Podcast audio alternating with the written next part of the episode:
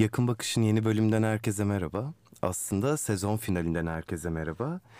Ee, bugün e, çok özel bir konuk var. Sezon finalinde şerefine yakışır bir şekilde oldu. Filiz Kaynak'la beraberiz. Ee, aslında onun ismini hepimiz televizyondan akan jeneriklerden de biliyoruz. Çünkü çokça reyting almış birçok dizinin altında kendisinin imzası var. Ee, birkaç tanesini saymak ve hatırlatmak gerekirse Mahallenin Muhtarları, Charlie iş başında, Aşkım Aşkım, Eyvah kızım büyüdü. Size baba diyebilir miyim? Sessiz gemiler. Sessiz gemiler. Ee, Savaş Dinçer'le yaptığınız Dicle, işte galiba. Evet. Ya büyük bir kariyer, uzun bir kariyer. Ee, o yüzden e, öncelikle sizi burada görmekten dolayı çok mutlu oldum söylemek isterim. Geldiğiniz için de çok teşekkür ederim vakit ayırdığınız için. Memnuniyetle. Nasılsınız bugünlerde? Nasıl gidiyor her şey? Neler yapıyorsunuz? İyiyim. bir 10 yıldır aslında televizyon hiçbir şey yapmıyorum. Ama bu arada hoş bulduk ve burada olmaktan ben de çok memnunum. Ha, çok, çok güzel sevindim. işler yapıyorsunuz. Teşekkürler. Takip ediyorum. Ulusal kanallara yapmıyorum çünkü bölümler çok uzadı. Ve ben artık son yaptığım işlerde kendi yaptığım işten memnun olmamaya başlamıştım. Hı hı. Yani geriye dönüp tekrar çekememek, istediğim ortamı hazırlayamamak e, beni oldukça yıprattı ve ben hani o kadar uzun süreli işler yapmak istemedim. İşime duyduğum saygıdan açıkçası. E, boş verici de olamadığım için. Ama şimdi 2-3 ekiple çalışılıyor belki. E, ama onda da benim gibi biraz kontrol freak bir insan için zor oluyor. Fakat şimdi dijital platformlara yani takip ediyorum. Çok güzel işler yapılıyor. Ee, daha kısa oluyor süresi. Başı sonu belli oluyor. Yani mini diziler var, antolojiler. Ee, yani onlar bende heyecan uyandırıyor açıkçası izlerken. Bu anlamda da bir projeye hazırlandık. Şu anda sunum aşamasındayız. Ee, olursa yapacağım yani ama bu projenin yolculuğu da benim için zaten yeterince heyecan verici oldu. Keyifli bir dönem oldu. Süper. Harika bir haber. Merakla bekliyoruz. Umarım. tekrar izleyebileceğiz. Ee, ben biraz böyle filmi başa sarmak istiyorum aslında. Ee, biz işte hepimiz sizi mahallenin muhtarlarıyla Evet. tanıdık. Hatta öyle ki işte Kandemir Konduk yazdı, Filiz Kaynak yönetti. Çok böyle slogan bir cümle oldu hepimizin aklında kalan. Evet. O yüzden ben bu yolun başlangıcını çok merak ediyorum. Siz hani mahallenin muhtarlarıyla başlayan kariyerinize sonrasında da çok reyting alan işlerle devam ettiniz. Yerli dizi piyasası içinde önemli, en önde gelen yönetmenlerden biri oldunuz. Bu sizin kendiniz için kurguladığınız bir gelecek miydi? Hani böyle bir şeyi hayal ediyor muydunuz? Böyle bir kariyer çizgisi çizmiş miydiniz? Yoksa süreç içerisinde mi böyle aktı? Bir anda kendinizi yerli dizi piyasasının içinde mi buldunuz? Aslında hiç böyle bir kariyer planlaması yapmadım. Ee, yani ben çok okuyan bir çocuktum. Spora bir eğilimim olmadı. Müzik hayatım hiç olmadı çünkü kulağım yok. Ben okurdum, bisiklete binerdim. Büyükada'da büyüdüm. Büyükada'da anneannem öğretmendi benim ve sinemaya çok meraklıydı. Ee, altı tane yazlık sinemamız, bir tane kışlık sinemamız vardı. Ya. Ve biz her yeni filmi izlerdik onunla birlikte. Kış- hatta kışlık sinemada iki kişi giderdik. Gişedeki memur derdi ki bari altı kişi olun da açayım salonu. Arkadaşlarımızı toplardık. Altıya tamamlar yine girerdik. Yine izlerdik. Yani sinemayla öyle bir ilgim var. Ee, ama yine de hiç sinemacı olmayı planlamamıştım. Ee, üniversite tercihlerini yaparken üç dalda yazdım. Edebiyata meraklı olduğum için gazeteci, yazar olabilirim diye planlıyordum açıkçası. Ee, o zaman çok güzel gazete röportajları yapılıyordu. Seriler yapılıyordu. Ee, içinde edebiyatın da olduğu e, çok iyi yazarların röportaj serileri vardı. Onlara özeniyordum. O yüzden de üç şey planladım. Tarihe meraklıydım. Arkeoloji, psikoloji ve gazetecilik. Bu üçünü sıraladım ama gazeteciliği en üste koymuştum. E, kazanınca e, o zaman şimdi Marmara İletişim, o zaman e, Marmara Üniversitesi Basın Yayın Yüksekokulu'ydu. E, orada da gazetecilik ve halkla ilişkileri tercih ettim. Biz ikinci yıldan ortak dersler alıyorduk ama ikinci yılda dilekçeyle karar veriyorduk bölümümüze. Gazetecilik ve halkla ilişkileri tercih ettim. Dünya Gazetesi'nde staj yaptım. Çok Ya. da sevdim. Ee, onlar da beni sevdiler. Kaldım orada bir yıl. Devam ettim okulla birlikte. röportajlara devam ettim. E, fakat benim üniversitede olduğum dönemler e, aynı zamanda İstanbul Film Festivali'nin de başladığı ve e, bizim dünya sinemasıyla buluştuğumuz yıllardı. Çok heyecan vericiydi. 2-3 filme aynı anda gidiyorduk. Bir de hocamız vardı Alim Şerif Onaran bilirsiniz. Evet. Ee, o zaten okulda sinemayı sevdirmişti ayrıca. Ee, bir de festivaller pekiştirdi. Ee, ben mezun olurken şöyle düşündüm. Bir gün Onat Kutlar'ın Sinema Bir Şenliktir kitabını okuyordum. Vapurdaydım. Merdivenlerde oturuyordum yaz günü. Dedim ki ben gazeteciliği denedim. Bir de bu işi deneyeceğim. Yani sinemayı. Çünkü bana çok heyecan veriyor. Ama neresinden, nasıl yakalarım bilmiyorum. Ta solu söyledikten sonra e, bir tiyatrocu dostumuz vardı. Atilla Yiğit. E, seslendirme yönetmeni aynı zamanda. Teyzemin komşusuydu. Gittim kapısını çaldım. Dedim ki ben bu işi bir yerden denemek istiyorum. Benimle uzun uzun konuştu. Dedi ki emin misin? Bak pişman olabilirsin. Bu işin böyle böyle artıları var ama eksileri de bu kadar yani. O dönemde daha oturmamış bir sektörden bahsediyoruz. Eminim dedim deneyeceğim. Yani son, sonuçta yolun başındayım. Üniversiteden yeni mezun oldum. Bunu da deneyeceğim. Tesadüfen bir filme başlıyordu ve ikinci yöne, şey asistan yoktu. Birinci asistan var, ikinci asistan yok. Hadi gel dedi İznik'te köy filmi çekeceğiz. Avni Kütükoğlu'ydu yönetmen. Karınca Hayır, Katarı. değil. Değil bir mi? video filmdi. Ha. Almanya'ya o zamanlar video filmler çekiliyordu. Böyle bir video filmdi. Münir Özkul falan oynuyordu hatta. Heyecanla gittim. Tabii böyle e, dünya kadar kitap devirmişim. Okulda bir takım çekimler yapmışız falan filan. Her şeyi bildiğimi düşünüyorum. Ama sete gittim. Sıfır. Anladım ki ben hiçbir şey bilmiyorum. Her şeyi sette yeniden öğrendim. Çünkü gerçekten kadar farklı bir ortam ki ve e, anlık kararlar verilerek de ilerlenen henüz e, dediğim gibi tam olarak da sektör Bir kriz yönetimi Ola- de gerekiyor kesinlikle galiba. kesinlikle Bir de Filiz Hanım bu bahsettiğiniz dönem 80'lerin ikinci yarısı değil mi? yani şöyle evet 87'den sonrası çünkü ben Aslında 87 Yeşilçam'ın da ve- öldüğü evet dönem. şöyle e, Yeşilçam'ın dönüşümde olduğu bir dönemdi. Otor sinemacıları Yani- kuşağına doğru gittiğimiz. Evet galiba. vardı ama böyle bir çözümsüzlük sürecindeydi. Ancak Öyle. hani insanlar Almanya'ya video filmler çekerek para kazanıyorlardı. Sinema henüz para kazandırmıyordu. Yani yapımcılar için. O yüzden de çalıştırıyorlardı. Paralarımızı ödemiyorlardı falan böyle süreçler de yaşadık. Ama benim için çok farklı deneyimlerdi. Ben Büyükada'dan sonra ilk kez İznik'te bir köy hayatı gördüm. Ee, ve çok etkilendim. Ee, orada çekim bittikten sonra bu işe devam etmek istediğime karar verdim. Evet zorlukları vardı ama ben çok severek e, çalıştım. Daha sonra Avni Kütükoğlu ile Karınca Katarı o sinema filmiydi. Biraz daha bütçesi rahat bir filmdi. Siz orada asistandınız. Asistandım. Ee, daha sonra Oğuz Yalçın'la Sessiz Fırtına. Yine bir sinema filmiydi. Ee, ve ona paralel mesela TRT dizileri de oldu. Ee, Yavuz Figenli ile Dullar Pansiyonu'nda çalıştım. Yani hem sinema filmi hem dizi paralel gitti. Ee, Agah Hün'ün de oynadığı Divan-ı Lügat Türk diye bir belgesel drama TRT'ye. Orada ben artık yardımcı yönetmenliğe başladım. Ve Ee, sonra Sonra muhtar. böyle e, böyle gel git yaparken paralarımızı alamamaya böyle yani yapımcıya gidiyoruz. Sanki lütfeder gibi para veriyor falan. Bunlar bana dokunmaya başladı. Ben dedim istemiyorum ya böyle yani bu, Bu kadar arada emek bu- sarf edip. TRT'deki işlerde de mi para alma Yok sıkıntısı oluyordu? TRT'deki işlerde değil ama böyle aralarda yaptığımız sinema filmleri, video filmler. Yok ya dedim ben yani bu kadar emek verilen bir işte paramı da almayacaksam niye çalışıyorum gibi bir şey oldu bende. Bıraktım ve şey bir ilaç firmasında PR sorumlusu olarak çalışmaya Aa, başladım. Bunu bilmiyordum. Evet böyle ara ara şeylerim var mı? e, masa başındayım çok rahatım yerinde ajanslardan fiyat alıyorum veriyorum işte kendimce bir şeyler yapıyorum projeler hazırlıyorum falan fakat saatler geçmek bilmiyor. Böyle gö- gözüm sürekli saatte halbuki bizim sette öyle değildir yani zaman nasıl geçer bilemezsiniz. Sıkılıyorum yani bir buçuk yıl patlaya patlaya çalıştım.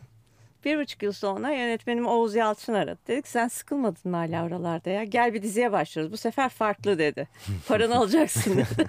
ya para benim için çok önemli değil ama yaptığım işe değer tabii ki. verdiğim için yani küçük de bir şey almak istiyorum karşılığını. O arada da evlenmiştim. Yani düzenli olsun istiyorum. Ha- Hayatım düzenli değil. Bari aldığım para düzenli Emeğinizin olsun. karşılığı olmalı sonuçta. Evet. Ee, ana dizisiydi. Magic Box'a yapılan bir diziydi. Ee, Aykut Oray ve Ayşen Gurda başrolleri oynuyorlar. Kandemir Konduk yazıyor. Yapımcı Kandemir Konduk ve Hüseyin Apaydın. Ee, çok severek çalıştım. Yani çok disiplinli oyuncularla çalıştım. Yönetmenim zaten e, Oğuz Yalçın çok değerli bir yönetmendir benim için. Ee, yani o kadar ben sufle veriyordum. Sufle verirken oyuncuları da izlemek gerekiyor bir yandan. Onları izlerken kahkahalarla setin şeyini bozuyordum, düzenini bozuyordum ama kimse bir şey demiyordu. Böyle çalıştık. Daha sonra e, mahallenin muhtarları başladı bu arada. 7 bölüm çekildi. Erdoğan Tokatlı çekiyordu. Yine e, Kandemir Konduk yazıyordu. Hüseyin Apaydın yapımcıydı. E, o zaman bizim ana dizisi 20-25 dakika arasındaydı. Düşünün bir bölüm. Evet. Yani insana vakit kalıyor. Hayatını yaşamaya vakit kalıyor. Yani işine de vakit ayırabiliyorsun. Hayatına da vakit ayırabiliyorsun. Erdoğan Tokatlı 7. bölümde bıraktı sanıyorum. Oğuz Yalçın dedi ki biz ikisini de çekelim. Çekeriz dedi. Çünkü mahallenin muhtarları da 30 dakika civarındaydı. Biz ikisini birden çekmeye başladık. Hem anayı hem mahallenin muhtarlarını. Ee, daha sonra anayı Nursan Esenboğa'ya bıraktı Oğuz Yalçın. Biz mahallenin muhtarlarına geçtik Oğuz Yalçın'la birlikte. Ee, bir buçuk yıl devam ettik. Bir buçuk yıl sonra Oğuz Yalçın ayrıldı. Ümit Efekan geldi. Oğuz Yalçın ayrılırken bana yönetmenliğini teklif ettiler. Ben şimdi yönetmenim işten ayrılmış. Ben orada kalmalı mıyım, kalmamalı mıyım? Ama işi seviyorum. Yapımcı gerçekten yani e, Hüseyin Apaydın ve Kandemir Konduk'la çalışmaktan çok memnunum.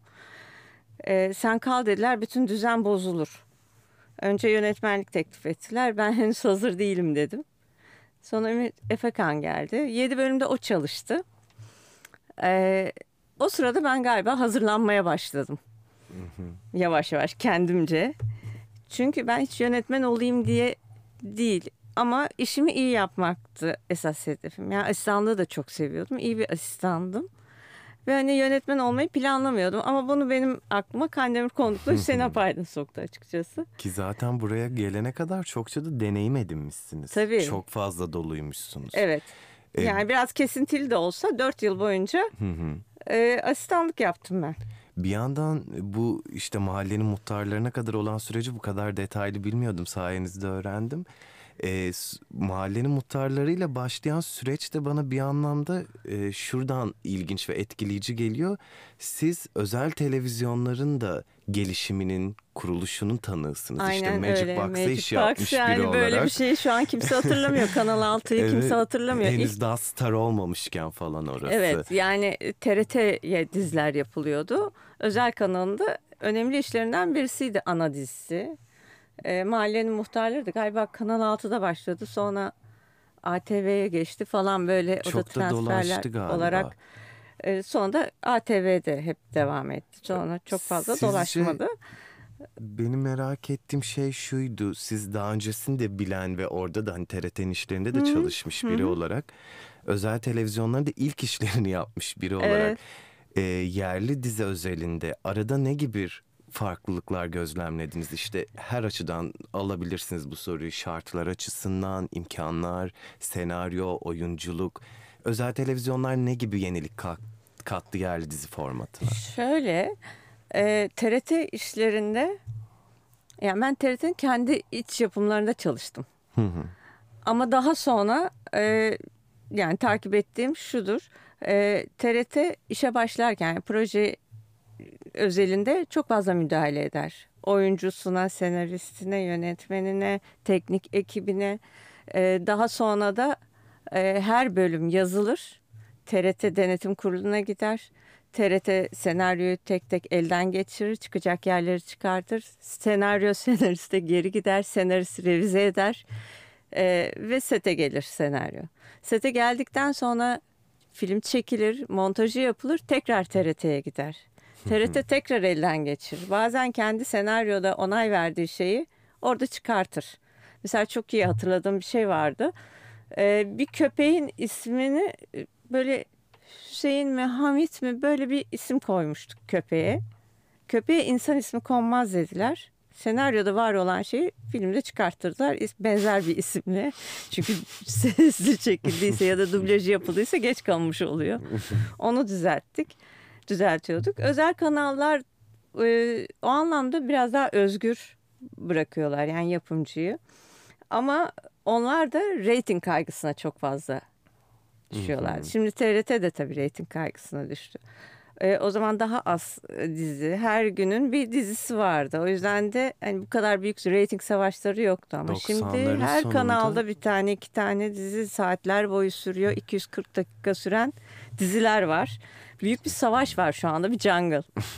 E, o zaman o kadar yoktu. O yüzden özel kanallar daha öz- özgür bırakıyorlardı. Onlar da hani oyuncu işte daha popüler isimler olsun ama yapımcıyla daha ortak konuşarak e, bir yola. Ha, direkt benim dediğim olsun gibi o kadar şey baskıcı bir yoktu. tavır yoktu. Evet. Sonrasında bir de rütük kuruluyor biliyorsunuz işte siz Evet. onun da şahidisiniz. Bir şeyler değişti mi sizin için o iki Şöyle yıllık Rütük'ten önce de benim bildiğim sansür kurulu var zaten. Hı hı. Yani sinemada sinema sektörüne çok sekte vurmuş bir sansür kurulumuz var bizim. Evet. Daha sonra da Rütük bunu devam ettiriyor. Daha çok televizyon tabii Rütük'ün de televizyon kanallarında. E, bizde artık otokontrol çok gelişti. Yani Bu kadar senaristlerde, yönetmenlerde, yapımcılarda otokontrol geliştiği için ben hiç Rütük'e toslamadım ama Hı hı. e, hani olabilirdi. Şu anki durumu da bilmiyorum açıkçası ama bizde olmadı. Ben e, sizi işte tanıtırken de işlerinizin çokça reyting aldığını özellikle 90'lardan 2000'lere kadar uzanan o süreçte. Böyle çok da hızlı bir temponuz var. Bir Hiç sürü durmadım. iş yapıyorsunuz. Hiç durmadım denilebilir yani. Benim de merak ettiğim o aslında bu kadar arka arkaya çok ilgi gören işi seçmek, onların e, yönetmenliğini yapmak bu bu kararları nasıl aldınız? Yani doğru işin sizce seçilmesindeki etkenler nelerdir? Sizin hangi ögelere dikkat edersiniz? Bu iş tutar. de- ne dedirtir size? Şöyle, e, mahallenin muhtarlığı benim için çok güzel bir başlangıçtı. Çünkü bir buçuk yıldır içinde olduğum bir teknik ekip ve oyuncu kadrosuyla başladım. Hı hı. E, arkamda duran bir e, iki yapımcım vardı. Kandemir Konduk ve Hüseyin Apaydın. E, bana hani çaylak muamelesi hiç yapılmadı. E, gerçekten e, iyi bir giriş yaptım ama beş buçuk yıl yönettim. Uzun da bir süre. Ben e, kendimce e, o zamanlar henüz çok genç bir yönetmenim. Kendim bir tarz oluşturmak istedim. Yani mahallenin muhtarları bir buçuk yıldır devam ediyor ama bana göre biraz durağandı. Halbuki karakterlerimiz oradan oraya koşturuyor. E, hareketli bir iş ama reji olarak biraz durağan geliyordu bana. E, ben ona biraz daha hareket katmak istedim. E, Veci Yener vardı görüntü yönetmenimiz. O da bana uydu. Biz kamerayla bayağı bir oyuncular, kamera biz böyle koştura koştura bayağı e, hareketli bir şeye dönüştürdük ve o sırada bayağı ilgi gördü. O aslında televizyon içinde bir yenilik o zaman. Kameranın Evet. oyuncuyu bu kadar takip etmesi. Evet bir yenilik oldu ve onu takip eden başka işler oldu. Ama bu tabii ki o işin özeliydi. Yani her işte aynı tarz olmaz. Son çektiğim dizi Ses- Sessiz Gemiler son, çok daha hareketsiz ama hikayeye ve oyuncu karaktere yoğunlaşan Hı. kameraydı. O son derece daha durağandı. Tabii Siz- ki o yönetmen de kendini giderek sadeleştirebiliyor. Bazen e, tarz sizi bir yere çeker. Bazen de siz tarzı bir yere çekersiniz. E, öykü bunda çok belirleyici oluyor. Yani öykü ne istiyor, ne getiriyor. Ama tabii ki ben genç bir yönetmen olarak kendim bir şeyler yapmaya çalıştım. Bir damga. Ama şimdi yönetmen olarak geri çekilmeyi, karakterimi ve öyküyü öne çıkarmayı hedeflerim. Ee, o ilk acemilik dönemiydi. evet Şimdilerde güzeldi, bir hareketliydi ama şimdi seyretsem niye bu kadar gereksiz bir hareket var burada derim. Kendi Ya, işlerime. Bu biraz bana ilginç geliyor. Ben e, yani tabii o zaman yaşım küçüktü ama şimdi geriye dönük işte YouTube'dan eski yerli dizilere Hı. ara ara bakıyorum. Çok da izlemiştim çocukken böyle bir televizyon nesli de olduğumuz için bizim yaş grubumuz. E, bazı işlerdeki teknik bilmiyorum ama açılar bana çok ilginç geliyor. Çünkü sizin de dediğiniz gibi bizim aslında yerli dizilerde sanki bir şablon var gibi. Hani kamera bizi çok şaşırtan açılara girmiyor ya da seyirciyi çok şoka eden açılara girmiyor. İşte daha geniş plan belki ya da galiba amorf mu diyorlardı Amorf. Yeşilçam'da Evet. çok kullanılan omuzdan çekim.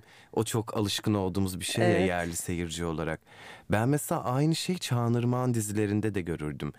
Ee, ters kameralar, kamera Evet. dönüyor. işte Evet. oyuncunun çenesinin altından falan çekmeler. Tam İşte adını da bilmiyorum ama ilginç geliyor. şeyleri bizde böyle bir duygu yaratıyor herhalde. Ben e, Emir Kusturica'nın Çingeler zamanını seyrettiğim Ya, zaman Müthiş filmler. e, ya Amarkort da mesela Fellini'nin birazcık bakın ikisi birbirine Olağanüstü benzer aslında. E, Çingeneler zamanı beni şok eden filmlerden birisiydi. Çünkü işte onda hem hareket vardı hem hikaye hem karakterler inanılmaz güçlü bir sinemaydı. Onu biz film festivalinde izledik.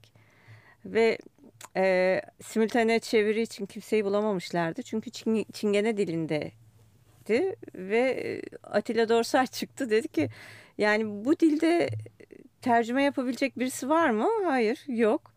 O zaman isterseniz biletlerinizi iade edelim dedi. Tabii hiçbir kimse gitmedi.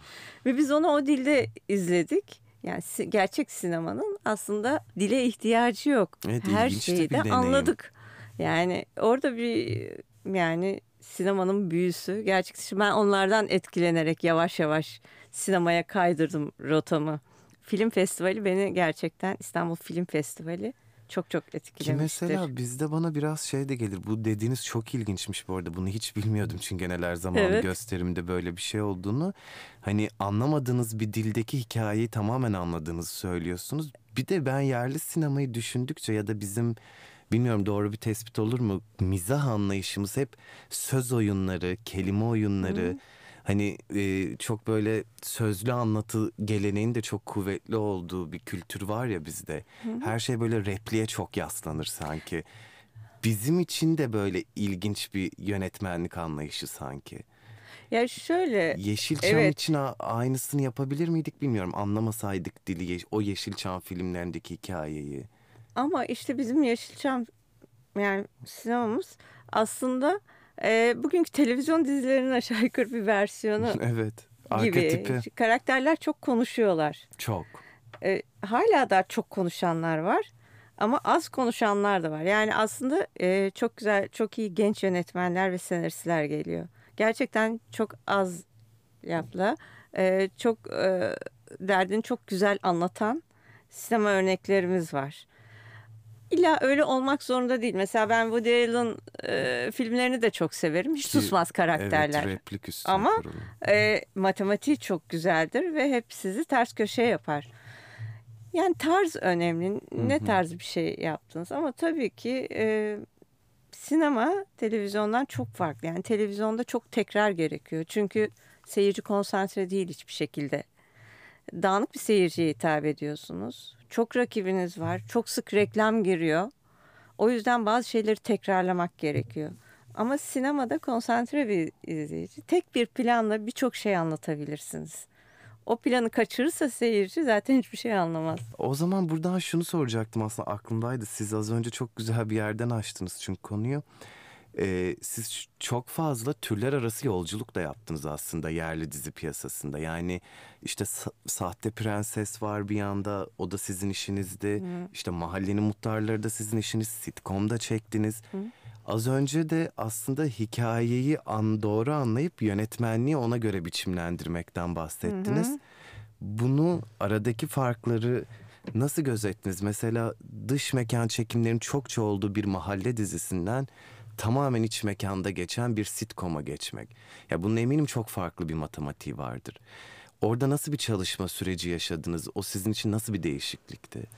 Tabii yani e, mahallenin muhtarlarını çekerken biz mahalle dizisi e, gerçek mekanlarda çalıştık. Maltepe Karakterlere miydi? uygun evet karakterlere uygun mekanlar. Mesela e, evler gerçek evlerdi. Çok az aksesuar kullanıyorduk.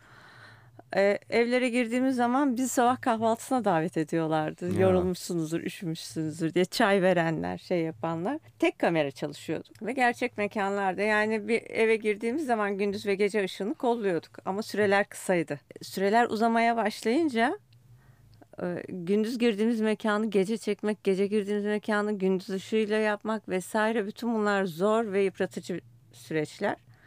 Bunun yerine yavaş yavaş süreler uzadıkça diziler içeriye girmeye başladı. Gerçekten platolara girmeye başladılar. Çünkü platolarda bütün bunları kendiniz ayarlayabiliyorsunuz. Gündüz gündüz geceyi gece yapabiliyorsunuz. Yani e, her şey hazır. Bir, bir düğmeyle gece oluyor, bir düğmeyle gündüz oluyor her şey. E, üç kamera sitcom derseniz ayrı. Sitcom'da tarz tamamen sitcom matematiği tamamen senaryo matematiği de farklı. Üç kamera çalışılıyor. E, oyuncular arası uyum çok önemli sitcom'da. Ve timing. Senaryo, timing çok önemli. E, üç kamera çalışıldığı için e, o timing'e çok iyi uymak gerekiyor. Yani bir tenis maçı gibi tak tak tak o alıyor o veriyor olması lazım. Gerekirse doğaçlamaya uyum sağlayacak kendi aralarında uyum sağlayacak oyuncular e, gerekiyor. E, onun matematik farkı. Onda baştan hayal ettiğiniz dünyayı kurabiliyorsunuz. Bu- Yani e, yatak odasını böyle istiyorum, dükkanı böyle istiyorum, mağazayı böyle istiyorum. Tamamen kendi önceden bir mimar yani sanat yönetmeni mimari bir çalışması sonucunda e, mekanı istediğiniz gibi kurabiliyorsunuz. Kamera açılarını ayarlıyorsunuz. Yani hangi duvardan nereyi çekeceksiniz. Bütün bunları organize ediyorsunuz. Ama içeridesiniz. Tamamen yapay bir dünyanın içindesiniz. Bu daha kolay mı yönetme için daha Tabii ki. konforlu bir şey. Evet daha konforlu bir şey Keyif ama üç açısından. kameranın yani teknik olarak üç kamerayı iyi kullanmanız gerekiyor. Ee, bunda da yönetmenin bu üç kamera olayına dikkat etmesi gerekiyor. Burada e, açılarda çok şaşmalar olabiliyor. Ee, yani şimdi artık o kadar özen gösterilmiyor ama eskiden e, açı karşı açıya dikkat edilirdi. Çünkü biz birbirimize bakarken aslında siz aynaya da bakıyor olabilirsiniz. Yani e, açılar çok önemli. Ben asistanlıktan geldiğim için benim için 3 kamera 5 kamera hiç önemli değil. Ben hepsini takip edebiliyordum. O yüzden de çok rahattım. O yüzden sizin için geçiş kolay oldu. Geçiş kolay oldu. Ben beş buçuk yıl mahallenin muhtarlarını çektikten sonra izin istedim. Yani ben dedim ki çok severek, çok büyük heyecanla, bana çok büyük bir şans tanıdınız. Ama beş buçuk yıl hep aynı yerdeyiz. Dönüp dolaşıyoruz. Temel'in dükkanı, kahve, kasap, manav.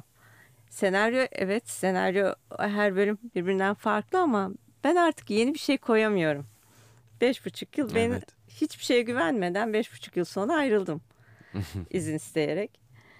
Ee, ve bana çok güzel işler geldi, çok güzel teklifler geldi. Ee, onlar içinden seçerek yavaş yavaş başladım. Farklı tarzlar. Evet komediyi severim. Romantik komediyi severim. Polisiyeyi severim. Zeliha'nın gözleri var mesela. Aa, Onda evet. bir bölüm için e, daha önce devam eden bir işim vardı. E, o işe ara vermiştik. Bir bölümünü ben çekebilirim demiştim. Zeliha'nın gözleri. Mesela polisiyedir ve çok severek çektiğim tek bölümdür. Bir Emel bölümünü ben Çöl çektim. geçen oynuyordu galiba Evet, değil mi? Sarp, Sarp Leventoğlu ile Sarp beraber. Leventoğlu. Biraz Epik çektik Dicle, Alican Yaraş'la e, dört bölüm. Bir sinema filmi olsaydı belki iyi olurdu ama televizyon seyircisi için biraz ağır geldi. Dicle için galiba Dicle. Ben biraz hatırlıyorum çok epik bir anlatımdı gerçekten. Masasıydı. Aynen öyle. Aslı Tandoğan'la Evet, çalışmıştınız Aslı Tan galiba. Doğan'la çalıştık. Ee, çok güzel ortamlarda çalıştık. Büyüleyiciydi. Tabii. İstanbul Atmosfer büyüleyiciydi. Ee, güzel bir ekip çalışmasıydı.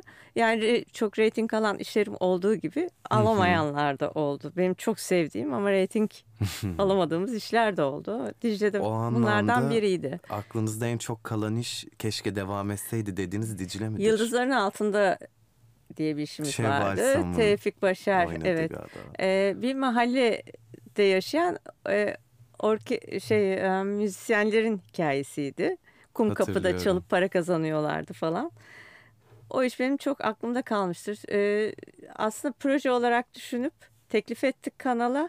Onlar hemen 20 gün içinde bizden istediler bölümü. Çok hızlı çalışmak zorunda. Biz tabii ki o heyecanla kabul ettik ama daha büyük bir hazırlık gerekiyordu belki. Ee, ilk dört bölüm de reytingi çok iyi gitti. Ama sonra bizim şeyimiz oraya kadar yetti. Yani daha uzun süreli çalışmış olmamız lazımdı senaryoyu. Daha sık hazırlık. Reytingler düştü. O zaman da kanal bize dedi ki yani şu anda size bir ödeme yapamayız ama siz kendi bütçenize devam edin. Daha sonra ödeme yaparız. Bu şekilde kabul ediyor musunuz? Onu da yapacak maddi gücümüz yoktu.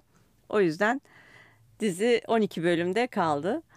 Ama benim çok severek yaptığım bir işti. Sessiz Gemiler öyle. Savaş Dinçer'le başladık ama kendisi rahatsızlandı. Ee, beni çok çok sevdiğim işlerden birisidir. Rahatsızlandı ve bırakmak zorunda kaldı diziyi. Daha sonra kanal devam etmek istedi. Daha sonra diziye ara verdi, ayrıldı. Bir süre sonra da kaybettik Savaş abiyi. Ama çok işe yani çok, Çok büyük disiplinli ve çok büyük katkı sundu. Onunla çalışmak da çok güzeldi benim için. E, Biz bir kırılma noktası yaşadık ama kanal devam etmemizi istedi. Ki Müşfik Kenter'le- merkezinde de Savaş Bey'in Evet aynen öyle vardı. kesinlikle. Ee, kanal devam etmemizi istedi ve Müşfik Kenter'le devam etmemizi istedi. Onunla da çalış, çalışmış olmak benim için yani çok hayran olduğum bir oyuncu çünkü. bir oyuncuydu. Onun o yaştaki disiplinini görmek e, çok güzeldi. Onunla çalıştık. Ama onda da tabii ki bütün bu aksaklıklardan dolayı 24 bölüm sanıyorum gidebildi dizi. 24 bölüm sonra final yapmak zorunda kaldık. O dizinin e, Sessiz Gemilerin bir bölümü kaç dakika sürerdi? O yıllarda kaç dakika çekiyordunuz? 80 ile 90 dakika arası. Artık böyle Ki o bile bana başladı. bana uzun geliyordu. Yani Uzun gerçekten. şu anda ben e, ulusal kanallarda bir dizi izleyemiyorum. Mümkün değil. İzleyemiyorum çünkü şuna bakıyorum yani adam orada ölüyor. Herkes birbirine bakıyor. O ona bakıyor, o ona bakıyor. Slow motion, o ona bakıyor. O ona müzik giriyor, bilmem ne giriyor. 10 dakika herkes birbirine bakıyor. 10 dakika sonra birden hareketleniyorlar. Orada da final yapıyorlar. Biz ya da klipler oluyor sürekli. Sıkıştıkça bölümler ya hastane ya hapishane. Ben bunların hiçbirini aslında ben evet seçtim dizilerimi ve bu noktaya geldiğim zaman bıraktım. Gelirsem bıraktım. Gelmemesi için çok çaba gösterdim ama ajitasyon, ağlayan insanlar, e, ağlayarak seyirciyi ağlatmaya çalışan e, bir tarza hiç yaklaşmak istemedim açıkçası. Çok ilginç. Ben e, geçtiğimiz sezonda da televizyon kategorisi bölümü için Ali Ulvi Hünkar'la söyleşi Çok beğendiğim bir yapmıştım. senaristtir. Sultan makamı Aa, en sevdiğim Ben de ye- böyle Yani Yeditepe İstanbul ve Tamam. Sultan Makam'dan aşırı etkilenmiş biriydim. Çok izleyemesem bile Sultan makamının gerçekten çok iyi bir iş olduğunu biliyorum. Ve- Yeditepe İstanbul'da. Yeditepe İstanbul bir de e, Sultan Makamı'ndan daha şanslı ve daha çok izlenen olduğu için güzelce bir final de yapmıştı. Ya onunla konuşurken ve sizinle konuşurken de hep böyle ortak şeyler çıktı. Zamanında büyük işler yapmış iki isim ve aynı dönem işler yapmış isimler olarak. Süre. Yani Evet. aynı şeyi söylüyordu o da bana. Ee, bu kadar işte büyük işler yapmış televizyona hatta böyle çok da edebi duygusu yoğun işler yapmış biri olarak yok dedi yapmak istemiyorum artık. Yani ve 2010'lu yıllar tam sizlerin aslında 90'lar sonu 2000'ler başında büyük işler yapmış isimlerin geri çekildiği Evet, bir dönem yüzden. oldu. Bayağı sektörün aslında en deneyimli, en işte kalemi kuvvetli insanlar geri çekti kendini. Şöyle oldu Ozan Bey. Yani mesela bana gerçekten çok büyük yapımcılardan teklifler geldi. Ama bu sürelerin uzadığı süreçte bana şöyle şeyler söylemeye başladılar. Siz zaten çekeceksiniz, montaja girmeyeceksiniz. Nasıl yani? E, bölümler kısayken kare kare montaja giriyorduk. Daha sonra uzayınca redaksiyona revizyona girmeye başladık biz. Ama ya montaja girmeyeceksin ne demek? Siz çekeceksiniz, birileri montajı yapacak. Ama ben çekerken kafamda montajı yapıyorum. Ve Zaten. benim bildiğim birisi e, yapmalı kurguyu. Yok, kendi bildikleri yapacak. Ee, müziğe karışamayacaksın falan filan gibi şeyler olmaya başladı. Müziğe bile karışmak. Hayır yani karışamayacaksın demiyorlar ama sonuçta Hı hı. siz kurguya girmediğiniz zaman Onlar. onlar yapacaklar demek oluyor. Ee, yani ben de herhalde Ali Ulvi Hünkar da o da senarist olarak Hı hı. e, çok fazla müdahale kabul etmiyor.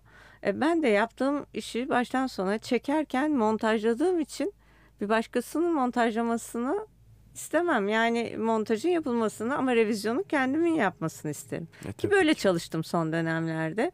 E, bunu kabul etmeyen e, çok büyük yapımcılarla da çalışmadım. Hı hı.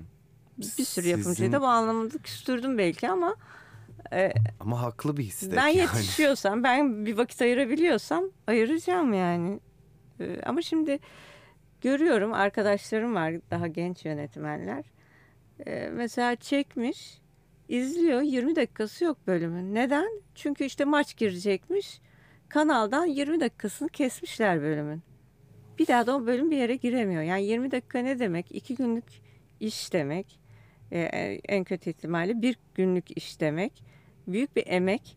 Senaryonun neresine nasıl müdahale ediyorsunuz? Senaristle konuşmadan, yönetmenle konuşmadan. Kanallar kendileri tak tak kesiyorlar yani. İnanılmaz. Bu, bu kabul edilemez. Benim için edilemez Yönetmenin bir şey. işine de büyük saygısızlık. Senaristin işine işte, de büyük yani saygısızlık. evet aynen öyle. Bir anlamda sizin artık bu son noktadır tamam o zaman ben de televizyona iş yapmıyorum dediğiniz anı hatırlıyor musunuz? O kararı verdiğiniz. O kararı ben e, sessiz gemilerde yavaş yavaş vermeye başlamıştım. Bu son yani olur artık sürelerin gibi. uzaması. Evet çok seviyorum. Çok güzel bir ekiple çalışıyorum. Çok iyi bir yapımcıyla çalışıyorum. Osman Yağmur rah- rahmetli. Çok iyi bir yapımcıydı. E, fakat yani geriye dönüp böyle ikinci ekip kurduk. Her zaman yani istediğim gibi her sahneyi böyle tadına vararak çekememeye başladım. Bir aceleye getirmeye başladık bazı şeyleri. Montajda kurtarırız falan olmaya başladı. Ee, daha sonra ya şu an ismini vermeyeceğim. Belki e, kırmak istemediğim bir yapımcının aslında sevmediğim bir senaryonun ilk bölümünü yani sen kur dediler bu şeyi. İlk bölümü çek git tamam dediler. Sevemedim bir türlü senaryoyu ama yani oldurmaya çalıştım bir şekilde. Sonra bırakmadılar dört bölüm. Çok da sevmeden çalıştım. Sadece yapımcıyı kırmamak için. O beni bayağı bir yıpratmış ve ben oradan sonra tamam dedim. Sonra geldi teklifler fakat bana heyecan vermeyen bir işte bu kadar emek sarf edip de sonucuna baktığımda ya Filiz bunu sen yapmamalısın diyeceğim işlerdi onlar. Ee, kabul etmedim ve bu arayı açtık. Ben o arada belgesel falan da çektim. Hmm, Onlarla ilgilendim. Ama benim asıl alanım yine kurmaca, kurgu. Tekrar dönüp dolanacağım yer. Ee, o da artık kendi projelerim. Yani kendimin de içinde olduğu kreatif olarak e, içinde olduğum işler olur. Onlar da işte mini diziler olur. Tek bölümlük bir şeyler olur. Bu 10 yıllık süreçte ara verdiğiniz süreçte bu belgesellere Evet. biraz odaklandınız anladığım kadarıyla. Rampa diye bir belgesel yaptık. Kardeşimin bir projesiydi. Erzurum'da bir kayakla atlama rampasının hikayesiydi. Dünyada ikinci büyüklükte. Ha. Çok güzel, çok heyecan verici bir projeydi. Ama belgesel e, daha sizin dışınızda gelişiyor. Yani bir konuğun söylediği bir şey sizi bir yere sürüklüyor. Sürprizlere çok açık. Ben biraz daha kontrol edebileceğim alanları Daha biraz kendi tercih inşa ediyorum. ettiğiniz Evet, bir dünyada. aynen. İnşa ettiğim bir dünyanın içinde olmayı Sinema, tercih ediyorum. Peki Filiz Hanım siz Var. bu kadar büyük bir sinema aşığı olarak sinema filmi senaryosu ya da Var, işte yeni var. sinema projeleri. Ama ben de aynı böyle e, ucuna kadar gelip gelip bir türlü olamayan Hı hı. şimdi de pandemi yüzünden artık hani e, yapımcıların risk almak istemediği e, yani çok farklı hikayesi yok ama çekildiği zaman ortaya çıkacağını iyi olacağına emin olduğum iki tane sinema film projemiz var aslında. Hı hı. Ama şey bulamadık yani bir ya- yapım olanağı bulamadık ona. Ucuna gelip gelip kaldı şimdilik. Bekliyor. Duruyor beklemede şu anda. Siz bu süreçte ara verdiğiniz süreçte bir sürü şey de aslında tekrar doldurup keşfetme biraz kendinizin adasa bırakma gibi de olmuştur. Yani hem sinemayı hem de yine bir şekilde işte ulusal kanallarda olması dijitaldeki işleri Tabii, de tabii. takip ediyorsunuz. Bu geçtiğimiz 10 yıllık süreçte Türkiye özelinde sorayım. Sinemada ve dizi dünyasında sizi etkileyen, beğendiğiniz işler, yönetmen, senarist, oyuncu kimler oldu? Çok var. Ah ne güzel. Yani şöyle ben gençler kadar cesur değilim. Yani eline bir cep telefonunu alıp çok iyi iş çıkaranlar var. Ama ben daha büyük olanaklarla çalıştım bugüne kadar. Tabii o yüzden de e, yani bugün genç olsam gerçekten daha cesur davranabilirdim. Ama şimdi pek çok şeyi gözetiyorum. Biraz daha konformist bir alanda yapmak istiyorum bu işi. O yüzden zaten hep bütçe sorununa takılıyoruz. Daha ucuz. E, bakıyorum yani çok cesur işler var. Çok sevdiğim, gerçekten beğendiğim yönetmenler var. E, Ceylan Özçelik var. Kısa filmlerle Hmm, başladı. Ben de çok seviyorum. Mesela Kaygı çok beğendiğim bir iş. Küçücük şeylerle başlıyorlar. Küçücük olanaklarla başlıyorlar. Kendilerini gösteriyorlar ve uzun metrajlarını çekiyorlar. Evet. Ozan Açıktan var. O tabii daha büyük prodüksiyonlar belki. Yani ikisinin yolu aynı değil ama e, iyi bir yönetmen. Mert Baykal var. E, televizyona iş yapan da iyi yönetmenler var. Şey var Hayaletler izledim. Azra, Azra Deniz, Okyay. Gayet başarılı. E, Ali Atay'ın ben hem oyuncu olarak hem senarist olarak çok beğeniyorum yaptığı işleri. Hı hı. Onun kafası hoşuma gidiyor. Ya yabancı diziler var tabii Netflix'te. Yerli. Sam From a Marriage diye bir iş var mesela 6 bölümlük. Ha, izlemedim. Ee, müthiş bir iş. Aslında Ingmar Bergman'ın bir film e, filminden uyarlanmış 6 bölümlük bir mini dizi. Oyuncular evlerinden çıkıyorlar, set ortamına giriyorlar ve girdikleri anda e, olayın içine düşüyoruz. Okey şey Çok galiba başarılı değil mi? Jessica oyunculuklar. Chastain'le Oscar Isaac'in Aynen, oynadığı. Evet evet. evet. Aa, ben Hmm. Bergman Mesela filmi mü- deyince filmi çok sevmiştim. Diziyi henüz izleyemedim. Kuzey polisiyelerini seviyorum. Nordik. Ee, film noir. Ben o tarz seviyorum. Gotik işleri seviyorum. Geçmişe Ee, bizde çok yapılmıyor ama Bizde evet bizde bir de şey de zayıf. e, korku sineması.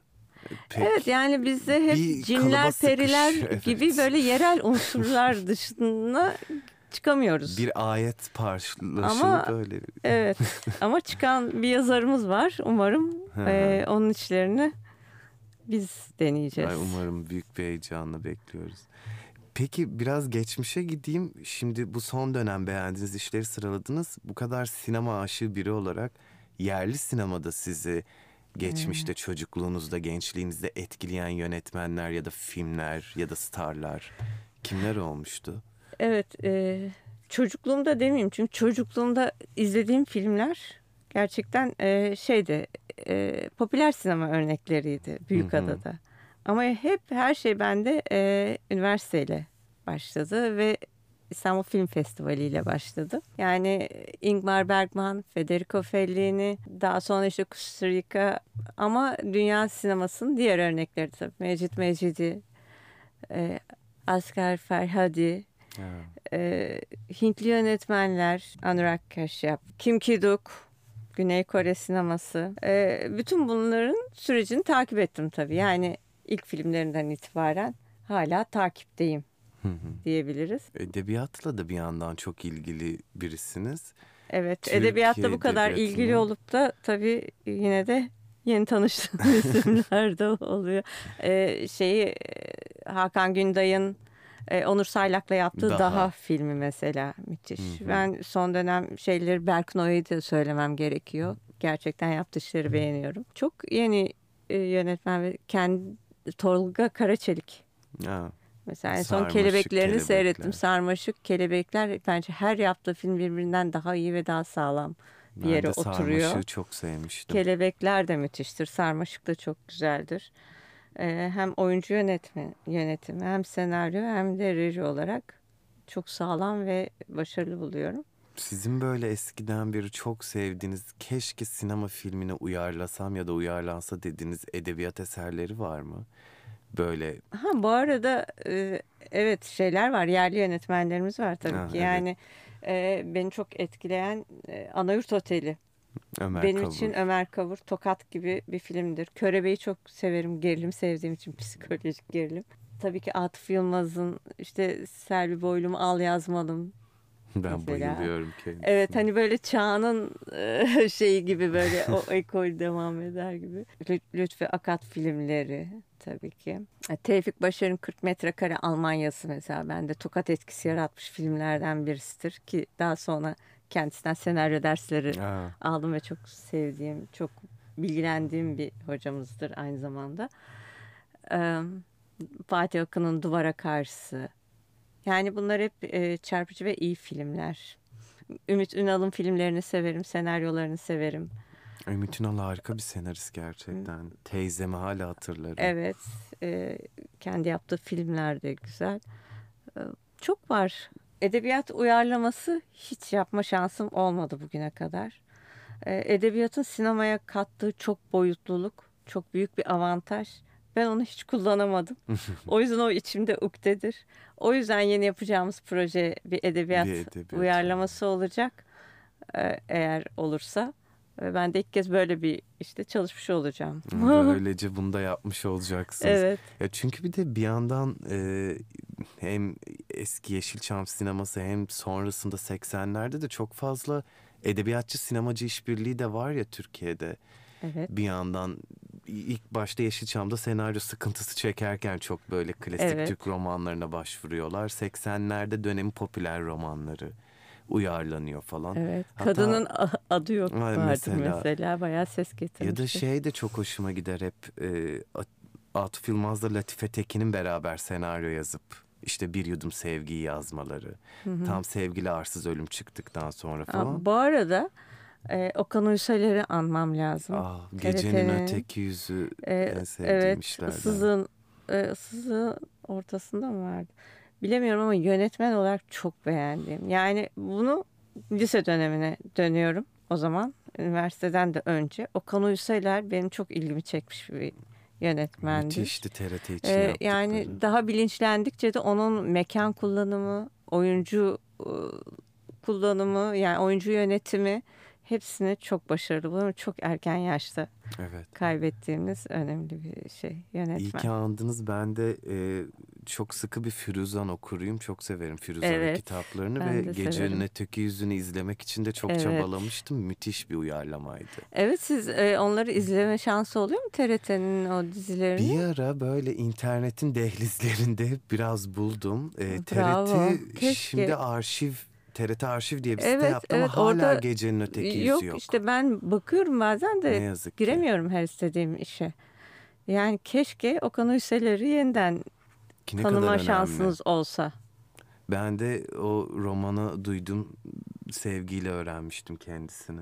Birebir yurt dışından uyarlama diyebilir miyiz sizin çektiğiniz Size Baba diyebilir miyim isimli komedi bana hep kariyerinizde ilginç geliyor. O-. Doubtfire'ı çokça hatırlatan O bir konu. şöyle, o da benim için em, biraz zor bir projeydi açıkçası. Evet uyarlamayı da çok iyi yapılmış. Robin Williams'ın oynadığı Mrs. Doubtfire. Ee, birebir değildi ama tema olarak aynıydı. Evet ayrılıyor ve evine tekrar e, kadın bakıcı kılığında geri geliyordu. Ama tabii ki o bir sinema filmiydi. Bu diziydi. O yüzden de e, uzatmak için bir sürü yan karakterler girmişti işin içine. Ama sitcom'un bir matematiği var. Gerçekten uy- uyulması gerekiyor. Yani yönetmen olarak benim ve oyuncuların ve senaristin. Bir cepheden aksaklık olduğu zaman İş çöküyor. iş çöküyor. Tamamen çöküyor ve motivasyon kaybına uğruyoruz. Biz oyuncular arası orkestrasyon sağlayamadık o işte. Ee, birileri ezberliyordu, birileri ezberlemeden geliyordu. Sitcom'da ezberlemeden hiçbir şey yapamazsınız. Yani ezberleyen oyuncuya da saygısızlık oluyor o zaman. Ve o matematiği, o dinamizmi tutturamadık. Bir dinamik dinamik bir şey gerekiyor tarz yani hem oyunculukta hem rejide. O dinamizmi yakalamayınca e, baştan çökeceği belli bir işti. Çok özenerek hazırlandık. Ali Cem Köroğlu yaptı, e, pilotoyu hazırladı sanat yönetmeni. Onu da kaybettik rahmetli. Platolar çok, Çok iyi de- gözüküyor bu arada. Çok iyiydi. Çok güzel dekorlar. Çok paralar harcandı. Yine Osman Yağmur Derli'nin işiydi. Ama olmadı. Hı hı. Olmadı. Neden? Biz de gülmüyorduk. Yani bakın ben bütün işlerde neye göre seçtiniz diyorsunuz ya. Evet. Tamamen kendi duygularımla. Ben bu işi sever miyim? Ben bu işi seyreder miyim? ya da seyredebileceğim bir hale getirebilir miyim? Ben seyredip zevk alıyorsam tamamdır. Alamıyorsam alabileceğim bir noktaya getirmeye çalışıyorum. Getiremiyorsam da çekiliyorum. Ee, aslında o işte belki benim çekilmem gereken bir işti ilk bölümden sonra. Hı hı. Ama e, özel bir yapımcıyla çalışıyordum yine Osman Yağmurdereli. Denedik dört bölüm. Olmadı. Ama sonra Aşkım Aşkım'ı çektik mesela biz. Evet mesela o da çok uzun sürdü. Aşkım Aşkım 26 bölüm sürdü. Reytingleri de gayet iyiydi. Neden devam etmedi şu an çok iyi hatırlamıyorum. Ama Onun reytingleri çok iyiydi. sizce? Ee, o da işte yine e, orke- orkestrasyon diyeyim ben. Oyuncular arasında o kadar iyi bir uyum sağlandı ki.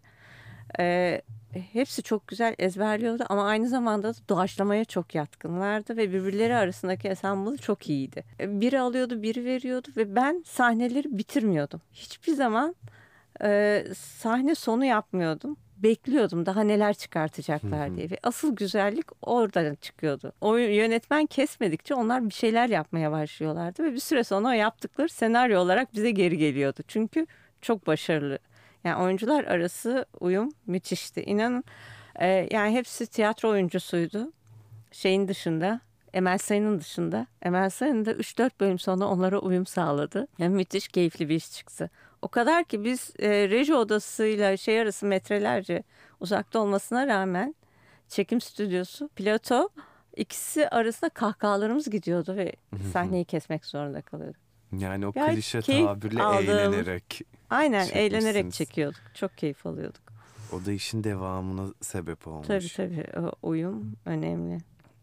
Yani komedi gerçekten e, Türkiye'de bir de yerli komedi dizileri genellikle hep e, işte az önce sizin size baba diyebilir miyim işinizle ilgili de konuşurken dışarıdan senaryolar ya da uyarlaması oluyordu. İşte Med yapımın 2000'ler başında çokça tutmuş sitcomları genellikle işte Gülben Ergen'in oynadığı Evet, Dadı, Dadı, Nene aha. uyarlamasıydı falan. Tatlı Hayat uyarlamaydı. Evet. İyi uyarlamalardı çok Evet. tuttular. E, Aşkım Aşkım'ın senaryosu özgün müydü? Evet Tayfun Güney Ee, hani bir yerlerden esinlenmiştir belki bilmiyorum. Hı hı. Ama e, bildiğim kadarıyla özgündü. Ki bu anlamda da ilklerden biri oluyor çünkü o Evet, zaman. Evet. Çok fazla özgün senaryo izleyemiyorduk komedi Evet, konusunda. doğru. Hep e, bana ilginç gelmiştir. Hatta birçok şey vardır ya ilk Avrupa yakası mıydı? Yerli İlk aşkım aşkım en çok tutan Daha ilk işlerden Aşkım birisi Aşkım aşkım aşkımdır evet. Gerçekten. Şey, ama biz mesela Charlie iş başındayı da stüdyoda çektik. O da değil mi oldu? O da birazcık istiyordu. yani yarı sitcom o da Tayfun Güneyer yazıyordu. Onun ilk bölümlerini e, Yağmur ve Durul Taylan kardeşler çekmişti. Kanal D'ye geçtikten sonra da ben devam ettim. O da mesela çok sevdiğim işlerden birisidir benim. O da çok tuttu mesela. Ee, ama onu tabii tam sitcom yapamıyorduk. Çünkü e, sürekli komut alan bir maymunumuz vardı Charlie. Ee, komut aldığı için dublaj Hmm. oluyordu. O yüzden de çift kamera çekiyorduk ve hani tam onu sitcom dememiz mümkün değil ama yarı sitcom. Aa, ben de şeyden doğru. Aşkım aşkımdan öncedir o. Orada da çok büyük bir kadroyla çalıştınız. Tabii çok bir de. güzel bir kadroydu. Şebnem Sönmez, e, Hakan Gerçek. Oyuncular içinde de en çok İlker'e e, daha önceki süreçte İlker'le çok yakınlaşmış Charlie. Hmm. İlker'in komutlarını da güzel alıyordu. İlker'le çok iyi bir ikili oluyorlardı. En çok da onların sahnesi vardı galiba değil mi? Tabii tabii hep birlikte evet evet birlikte yemek yapıyorlardı falan. Böyle Charlie soğan gördü mü alıyordu lap diye koca soğan ağzına atıyordu falan. Biraz şey gibilerdi Scooby-Doo ile şey gibi. Evet. Dizilerin yapım aşamasında mekan seçimi az önce mesela size baba diyebilir miyim işi için oyuncular arasındaki işte timingin tutmadığından bahsettiniz. Hı hı. Kas seçimi, mekan seçimi bu gibi önemli konularda bir yönetmen olarak ne kadar söz hakkınız vardır? Burada nasıl bir karar mekanizması işler? Ya şöyle e, hangi süreçte dahil oluyorum ben Evet. projeye? O çok önemli. Eğer işin tamamen sıfır yani e, henüz proje halinde bana geldiyse e, o zaman tabii elimden geleni yapıyorum. Hep bunları gözetiyorum. Yani birbirleri arasında uyum sağlayacak oyuncularla çalışalım. E, yani biri illa popüler olacaksa çünkü kanalın da direkt şeyleri oluyor. Mesela işte diyor ki ne bileyim ben şu oyuncuyu koyun etrafına kimi koyarsanız koyun diyor mesela. O oyuncuya biz mahkum oluyoruz. Hı hı. Bu sefer o oyuncunun etrafını nasıl besleriz? Onu düşünüyoruz. E, mekan, atmosfer konusunda genelde beni özgür bırakan yapımcılarla çalıştım. Ama kas konusunda e, karşılıklı bir süreç yaşıyoruz, yaşıyorduk yani. Herkes birbirini memnun etmeye çalıştı. Evet, Orta yol. e, tabii bir de bütçe çalıştı. meselesi var. Yani bazen kanalın illa da şunun için proje yapın dediği isim çok büyük paralar alıyordu. E, Hmm. Yapımcı bu sefer diğer oyuncuları ona göre gözetmeye çalışıyordu. E, ama mesela ortasında girdiysem o zaman önceki bölümleri izleyip hani bana niye ihtiyaç duyuldu? Daha önce ne yürümüyordu, ne yürüyordu? Bunun analizini yapıp yapımcıyla konuşuyorum ve orada da yani ortak bir yol izlemeye çalışıyorduk. Hafif biraz değiştirerek, dönüştürerek bir yol alıyorduk. Yani böyle genelde bana ama heyecan veren tabii ki sıfırdan almam projeyi. Bütün dünyayı sizin kurarken Birlikte olduğunuz. evet yani kendi güvendiğim ekip arkadaşlarımla o dünyayı kurmayı tercih ediyorum. Bazı yönetmenlerde e, işte büyük yönetmenlerde görebiliyoruz ya da popüler işleri çekenlerde fark etmiyor.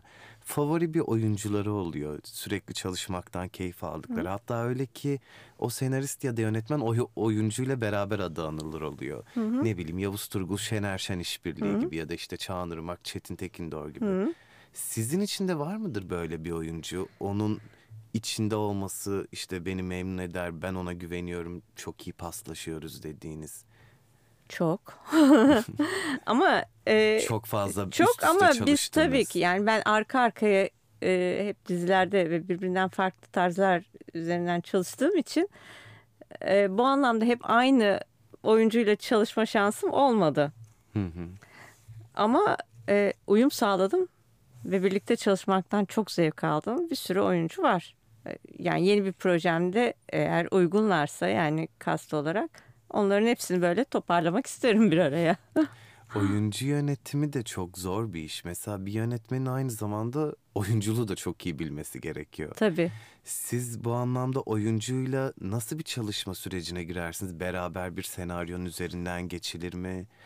Ee, o sahne işte çok mu prova edilir yoksa biraz daha akışa bırakarak ona alan açarak mı? Nasıl bir çalışma disiplininiz var oyuncuyla? Şöyle e, çok güven ya projenin başında zaten konuşulur karakter konuşulur E, karakterin yolculuğu konuşulur kahramanın yolculuğu şeklinde ama e, tabii ki her bölümün özelinde e, bölümün bütününü onların da okuduğunu varsayarak hep bunu rica ediyorum çünkü bazı oyuncular sadece kendi sahnelerini okuyup gelmeyi tercih ediyorlar başında sonunda ne olduğunu bilmiyorlar halbuki kendileri dışında gelişen bazı olayları da bil- bilir karakter, bilerek girer o sahneye.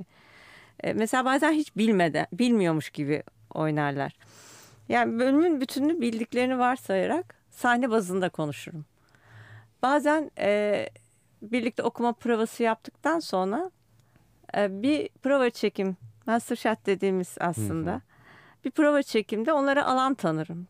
Çok güvendiğim oyuncularsa. Bazen çok güzel şeyler çıkar oradan. Bazen de şunu şöyle yapalım, bunu böyle yapalım. Ben oyuncuyla konuşurum. Ee, ama asistanken hiç oyuncuyla konuşmayan yönetmenlerle de karşılaştım. o kapıdan gir, buradan çık diyorlar. Yani oyuncu bana bakıyor, ne yapacağım ben diyor. O kapıdan gireceksiniz, bu kapıdan çıkacaksınız diyorum. Ee, ya oyuncuyla konuşan yönetmenlerim de oldu tabii asistanken ama konuşmayı severim bazen oyuncunun da bir fikri olabilir ama çok da hani onların fikirleri her birinin fikri olduğu zaman bir ka- kaotik bir ortam oluyor. Yani onlara da çok fazla şey yapmadan hadi göster o zaman deyip e, şey yani birlikte hareket ederiz. Güveniyorsam oyuncuya.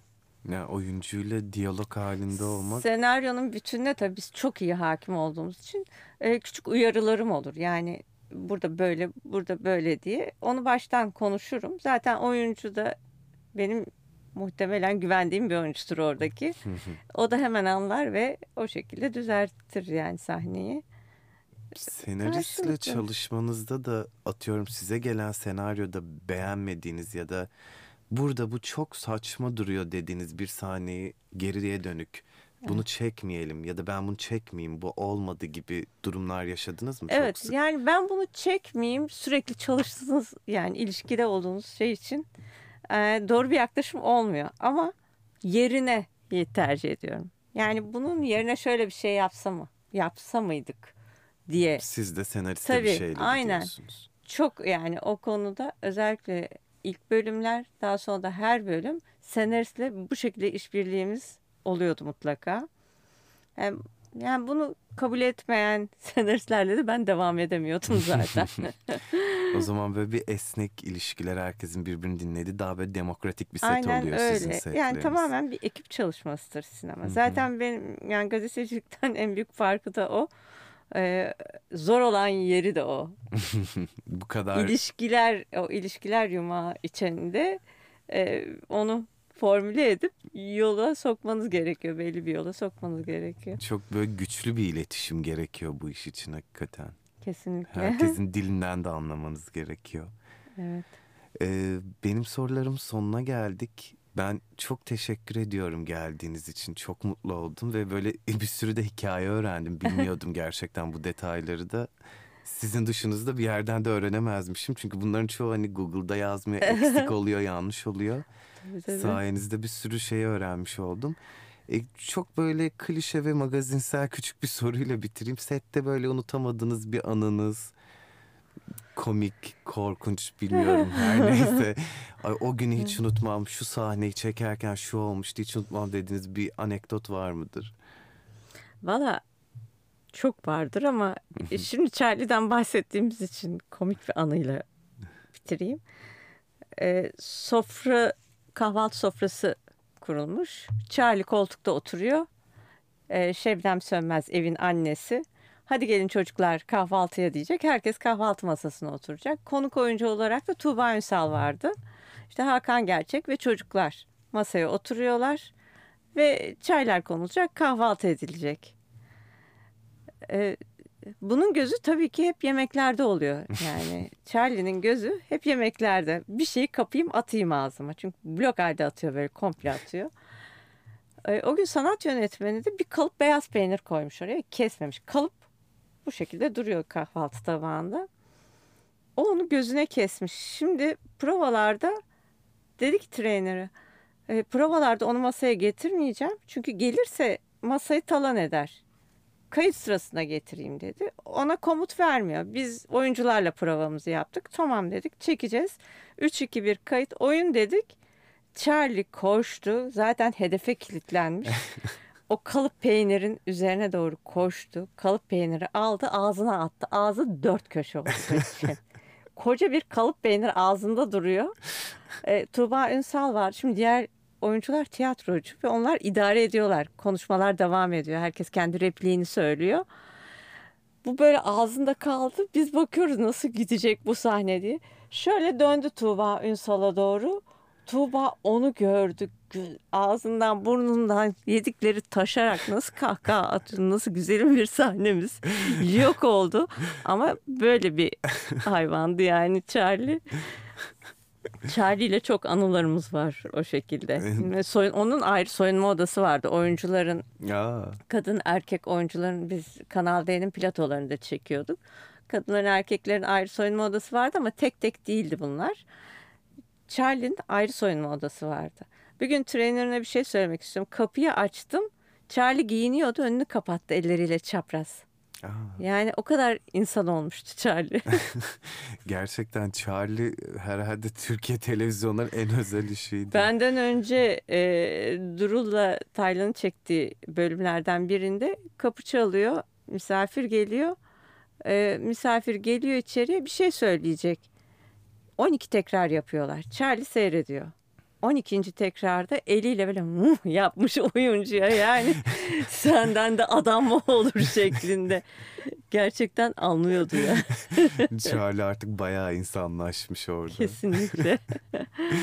Çok teşekkür ediyorum Rica ederim. Benim için de çok için. keyifliydi. Teşekkür İyi ederim. ki geldiniz. Yeni bölümlerde, yeni sezonda görüşmek üzere. Herkese sevgiler.